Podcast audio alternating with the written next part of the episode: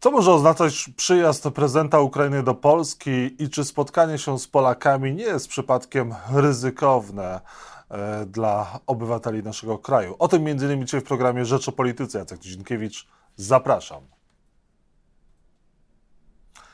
Generał Waldemar Skrzypczak, były dowódca wojsk lądowych i były wiceminister obrony narodowej jest Państwa i moim gościem. Dzień dobry, panie generale. Witam pana, dzień dobry państwu. Po co Władimir Załański przyjeżdża do Polski i dlaczego dopiero teraz? Minął rok wojny. Wydaje się, że zbliża się czas, kiedy tą wojnę trzeba będzie w jakiś sposób zakończyć. Politycznie na pewno, bo y, militarnego finału tej wojny nie będzie na pewno wkrótce, jak niektórzy na to liczą. A zatem wydaje mi się, że podróż do Warszawy jest pierwszą z cyklu podróży Żeleńskiego, który będzie budował wokół swoich idei koalicję taką, która będzie go wspierała w przypadku, gdyby doszło do jakichkolwiek rozmów z jego udziałem o przyszłości Ukrainy.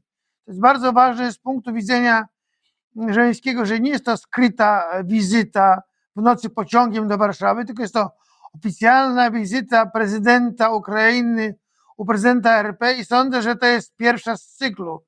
Widzicie, jak powiedziałem wcześniej, Żeleński musi zacząć budować wokół siebie atmosferę wsparcia politycznego, bo militarne ma, ale teraz, kiedy zbliża się kres wojny, moim zdaniem, to potrzebne jest wsparcie polityczne.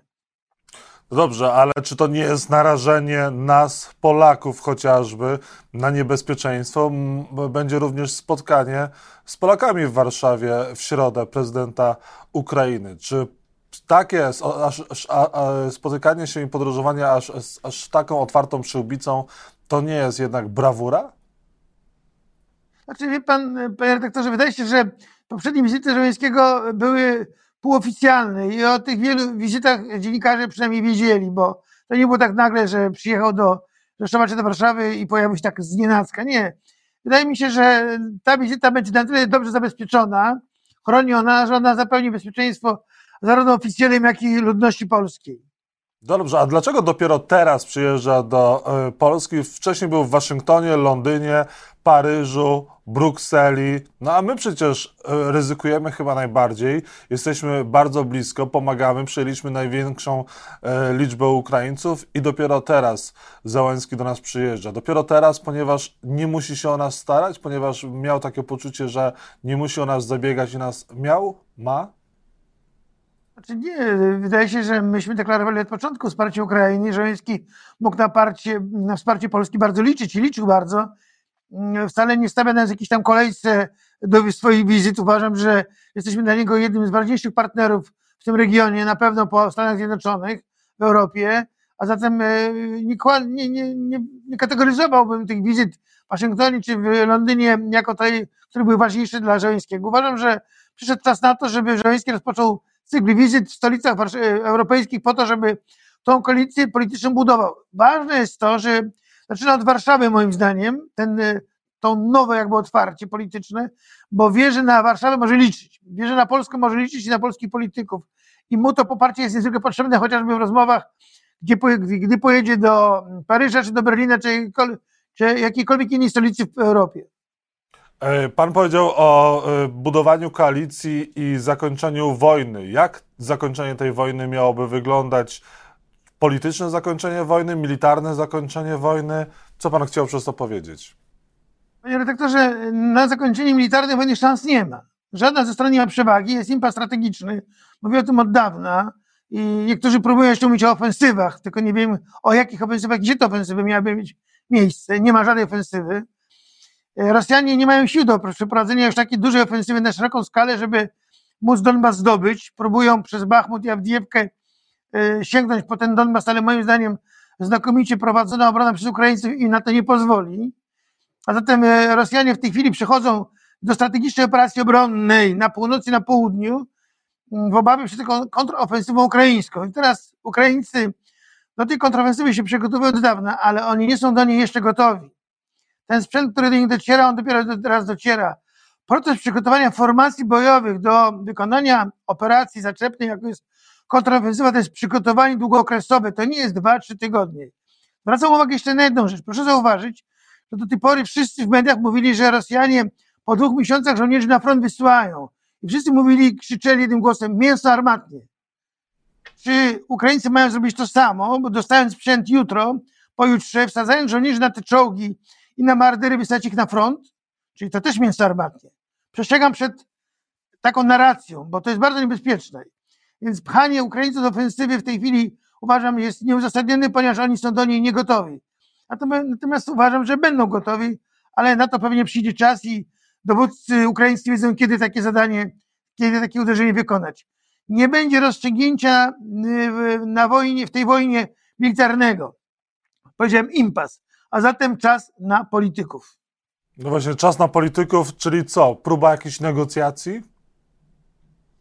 Próba znalezienia jakiegoś y, kompromisu między oczekiwaniami, wymaganiami Żołańskiego i Ukrainy, co dla nas, z naszego punktu widzenia jest bardzo zrozumiałe, że nie chcemy oddać terytorium swojej Ukrainy, a tego, czego oczekuje Putin. Putin po wizycie prezydenta Chin czuje się pewniejszy, bo prezydent Chin dał mu y, gwarancję bezpieczeństwa, że nic mu się nie stanie Putinowi, żaden międzynarodowy Trybunał Karny go nie sięgnie, więc on się czuje pewniej.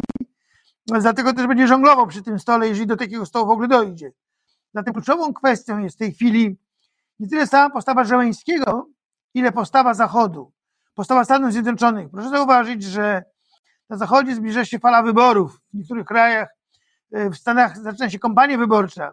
Więc tu gra idzie teraz o to, żeby ci, którzy kandydują, żeby te wybory wygrali, ale żeby ceną tych przegranych ewentualnych wyborów nie było to, że wspierają na przykład Żeleńskiego.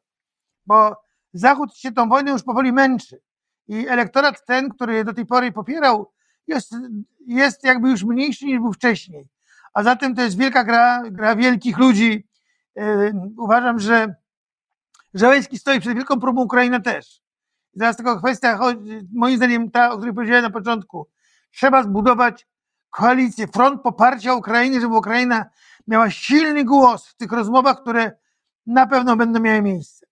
Joe Biden, jako kandydując na prezydenta, mógłby dostać premię u swoich wyborców za zakończenie tej wojny? Wydaje się, że tak. Wydaje się, że tak i tego Amerykanie oczekują. Amerykanie przejawiają coraz bardziej już takie, bym powiedział, przejawy zmęczenia tą wojną. E, coraz więcej demokratów mówi o tej, o tej wojnie jako wojnie już, której kres nadchodzi, a zatem wydaje się, że politycznie trzeba szukać jakiegoś rozstrzygnięcia, które, powtarzam, zaspokoi ambicje Ukrainy, bo to jest kluczowa sprawa.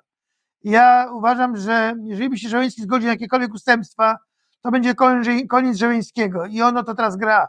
Żeby nie dać, żeby nie dać się skończyć tej grze, która będzie grą o przyszłość Ukrainy i na to trzeba patrzeć. No właśnie, Ukraina nie jest skłonna do kompromisów, Ukraina nie jest w stanie oddać choćby skrawka swojej ziemi, która została zagrabiona przez Rosję. Więc trudno sobie wyobrazić te rozmowy pokojowe, te negocjacje, te próby zakończenia wojny kosztem właśnie Ukrainy. Zgoda. Nikt by się z nas też nie zgodził na oddanie skrawka ziemi polskiej. To oczywiste. Natomiast Putin stanowi politykę faktów dokonanych. On powiedział, to co zdobyłem jest moje i będzie robił wszystko, żeby tak było. Zatem będzie y, tak działał, aby przekonać wszystkich tych, którzy go wspierają lub tych, którzy się wahają, żeby jednak y, jemu przyznali to, co on chce osiągnąć. Moim zdaniem jest to absolutnie niemożliwe. Przy czym y, proszę zwrócić uwagę na jedną rzecz. Ukraińcy nie mają potencjału militarnego takiego, który pozwoliłby im odbić te 20% terytorium łącznie z Krymem. Zapomnijmy o tym. Nie mają i nie zbudują takiego potencjału przewaga, jaką musieliby mieć, musiały mieć wojska ukraińskie nad armią rosyjską, żeby ich wypędzić z okupowanych terytoriów, to powinno być 3-4 do 1. Nigdy Ukraina takiej armii nie zbuduje. A zatem Panie generale, sprawę, że... Przepraszam. Panie generale, ale czy Putin jest jeszcze partnerem do rozmowy dla Zachodu? Może być? Znaczy, za sprawą Chin może być. Moim zdaniem tutaj e, Putin w tej chwili zwasalizował się e, prezydentowi Chin, e, poddał się jemu zupełnie teraz cenę, jaką zapłaci Rosja Chinom za to, że będą Chiny ich popierały i go chroniły, będzie bardzo wysoka. Prezydent Chin uzyskał dostęp do surowców, do nowych terytoriów, do kraju nadmorskiego, gdzie emigracja chińska jest bardzo silna. Zatem dużo ugrał prezydent Chin, będąc w Pekinie. Putin też, bo uzyskał gwarancję bezpieczeństwa i poparcie prezydenta Chin. A zatem gra idzie o wielką stawkę. I w tej grze jest w tej chwili, e, nawet bym powiedział, bardziej rywalizacja na linii Chiny-USA niż Rosja-Ukraina. Choć na pewno e, wszystko się rozgrywa na teatrze, jakim jest wschodnia Ukraina. Panie generale, a co musiałoby się stać, żeby Ukraina wygrała tę wojnę? Czy ona już nie ma szans na odniesienie zwycięstwa? Panie redaktorze, ja patrzę z wojskowego punktu widzenia, jaki potencjał wojskowy musi mieć Ukraina, żeby armię rosyjską pokonać. Proszę zauważyć, że w mediach pojawiają się codziennie informacje, że w Bachmucie tysiące trupów rosyjskich żołnierzy. Także zastanawiam, skąd Rosjanie tylu żołnierzy biorą. Bo jakbym tak studiował media i tak liczył dzień po dniu, to w zasadzie już w tej chwili nie powinno być w ogóle wojska rosyjskiego, tyle ich zabili w Bachmucie. Trochę rozsądku w tym wszystkim i bez szaleństwa. Oceniam to na zimno z wojskowego punktu widzenia. E, Ukraińcy nie zbudują przewagi militarnej nad armią rosyjską. Jakoby ta armia nie była rosyjska, słabo wyszkolona, słabo uzbrojona, to ona jednak będzie armią liczną. I tą armię liczną trzeba pokonać.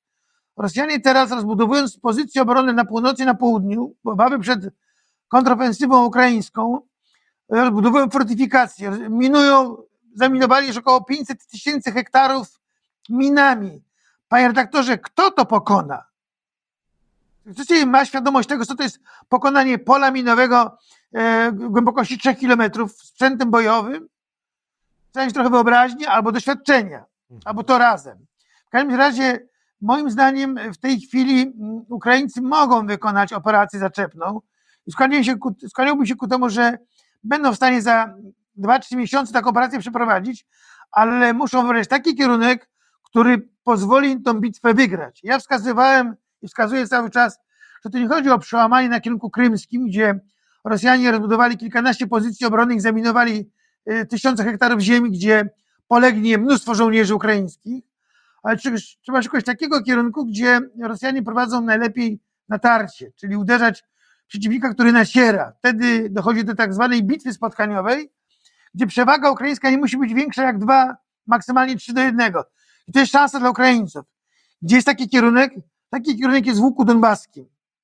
To jest łuk donbaski, czyli Donbas w tym rejonie na zachód od Siewierodoniecka. To jest ten kierunek, gdzie mogliby Ukraińcy z dwóch skrzydeł uderzyć, okrążyć wojska rosyjskie i co by się udało okrążyć, odciąć od sił głównych wzdłuż rzeki Siewierskiej Doniec na wschodzie, to Ukraińcy mogliby złamać siłę armii rosyjskiej i mogliby zmusić tym samym do tego, że Putin będzie inaczej rozmawiał przy stole negocjacyjnym.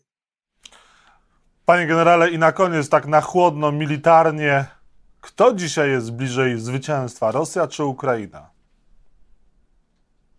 Panie redaktorze, ja od roku wspieram Ukrainę i dla mnie Ukraina... Wiem, to wiem, to wszyscy wspieramy. Słyszałem też, jak pan mówił o impasie, ale patrząc na to na chłodno, na zimno. Ten potencjał, który będą mieli Ukraińcy, ten nowoczesny potencjał, może nowy potencjał zachodu do nich płynący, pozwolić im powinien wykonać uderzenie takie, które zdruzgotce kilka zgrupowań armii rosyjskiej. To będzie wielkie zwycięstwo. I już całkiem na koniec, patrząc na to, militarnie również. Jak pan myśli, jak długo potrwa jeszcze ta wojna? Ta wojna wejdzie w stan zamrożenia, moim zdaniem, znaczy zawieszenia. Będzie zawieszenie broni, nie będzie pokoju, panie redaktorze, bo Putin nie zgodzi się na żaden pokój. Tak jak powiedziałem, on politykę faktów dokonanych stanowi i będzie chciał to, co zdobył, utrzymać za wszelką cenę. Będą się targować i te targi będą trwały długo, długo, długo. I ta wojna będzie cały czas się tliła, tak jak się tliły wojny w Czeczeniu, na Kaukazie, Doniecku i Ługańsku kolejny wulkan, który powiedział Putin, ale Putin tą wojną doprowadził do katastrofy Rosji, do rozpadu imperium. I mam nadzieję, że biologia go, biologia go usunie i że na Kremlu zapanują ludzie, którzy jednak będą chcieli odbudować Rosję, już może nie imperium, ale odbudować Rosję i będą chcieli pokoju, bo wojna Rosję zniszczy do końca. Generał Waldemar Skrzypczak był Państwa i moim gościem. Bardzo dziękuję Panie Generale za rozmowę. Bardzo dziękuję. Spokojnego dnia. Dobrego dnia. Dziękuję.